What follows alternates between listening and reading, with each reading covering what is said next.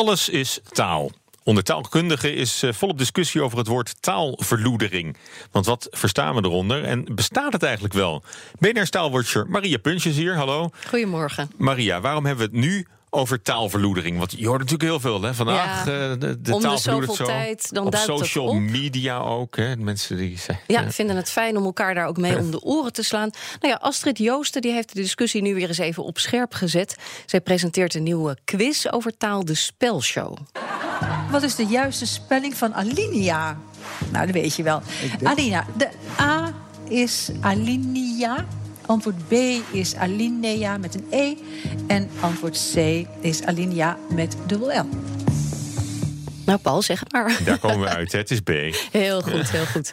Nou ja, natuurlijk de nodige promotie rond zo'n nieuw programma. Astrid Joosten die vertelde in een interview in het AD... dat zij in haar omgeving taalverloedering opmerkt. Zij zegt, ik zie dat het achteruit gaat. Nou, taalwetenschapper Marten van der Meulen... verbonden aan de Radboud Universiteit, die las dat... sprong bijna uit zijn vel. En die schreef een heel leuk en pittig blog... over dat, uh, ja, dat ingewikkelde begrip taalverloedering. Ja, want eigenlijk zegt hij, taalverloedering bestaat helemaal niet. Nee, hij trekt dat sterk in twijfel. Hij zegt, nou, ik geloof dat ik die inderdaad wel aandurf.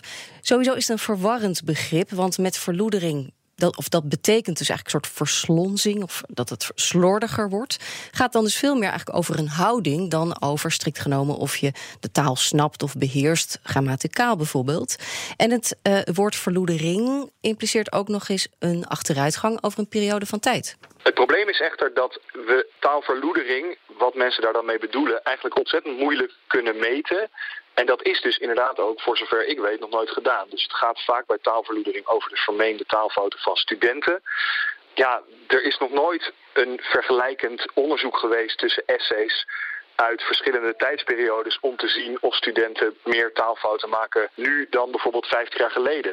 Ja, we hebben dus simpelweg de data niet, zegt Martin van der Meulen. Maar het is toch wel te verklaren dat mensen denken dat zij een achteruitgang zien of horen. Het Age Syndrome van vroeger was alles beter. Ik weet niet in hoeverre dat bewezen is, maar dat zou wel een rol kunnen spelen.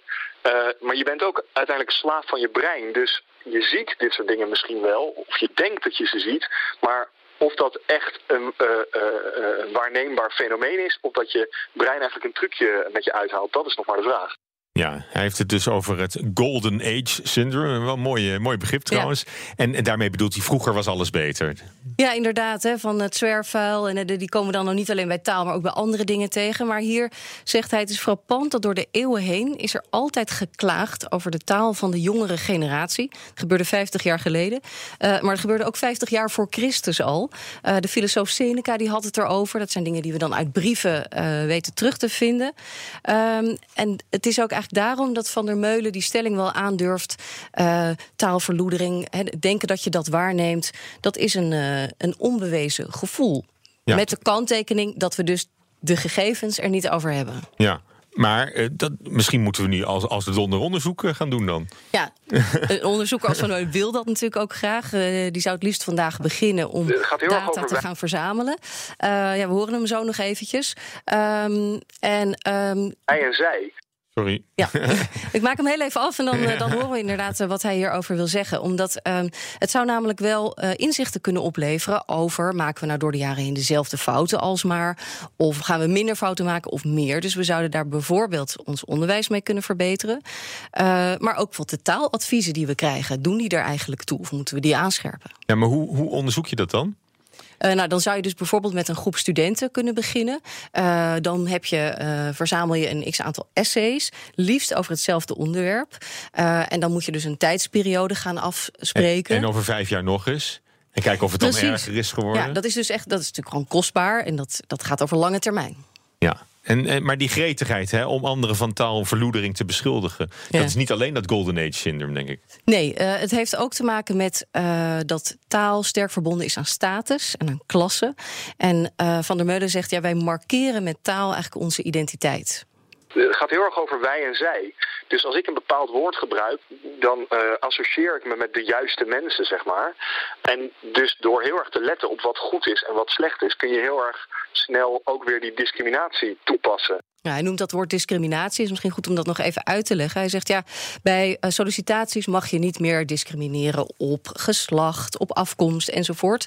Gebeurt nog wel, maar in de wet staat dat het niet mag. Hij zegt taal is een van de dingen waar we eigenlijk nog mee discrimineren. Een sollicitatiebrief met een paar taalfouten. Die maakt grote kans om op de stapel te belanden afgewezen. Terwijl heel veel taalfouten zijn eigenlijk heel goed te verklaren. Uh, waarom mensen die maken. En dat zegt niet noodzakelijk iets over wat verder je kwaliteiten zijn. Dus ook als we dat uh, meer zouden weten, daar meer over zouden snappen, um, zouden we dus minder met taal uh, elkaar ja, beoordelen en veroordelen. Ja, maar is dat nou wel zo? Want op, op zich, het is, het is ook een, een kwaliteit natuurlijk. En ik kan me ook wel voorstellen als een werkgever een sollicitant afwijst, omdat, omdat de sollicitatiebrief vol taalfouten staat. En zegt van ik wil wel iemand hebben die de taal goed beheerst. Ja, nou als dat een specifieke eis is voor een bepaald beroep, dan is het natuurlijk ook logisch. En de, maar de gedachtesprong die vaak wordt gemaakt is, nou dan zal iemand ook wel slordig zijn en dan zal die ook wel niet op details kunnen letten. Uh, en dat is ook maar een aanname. Dat is niet bewezen. Oké, en, en dat buitensluiten van mensen die niet, die niet net zo verzorgd spreken als jijzelf?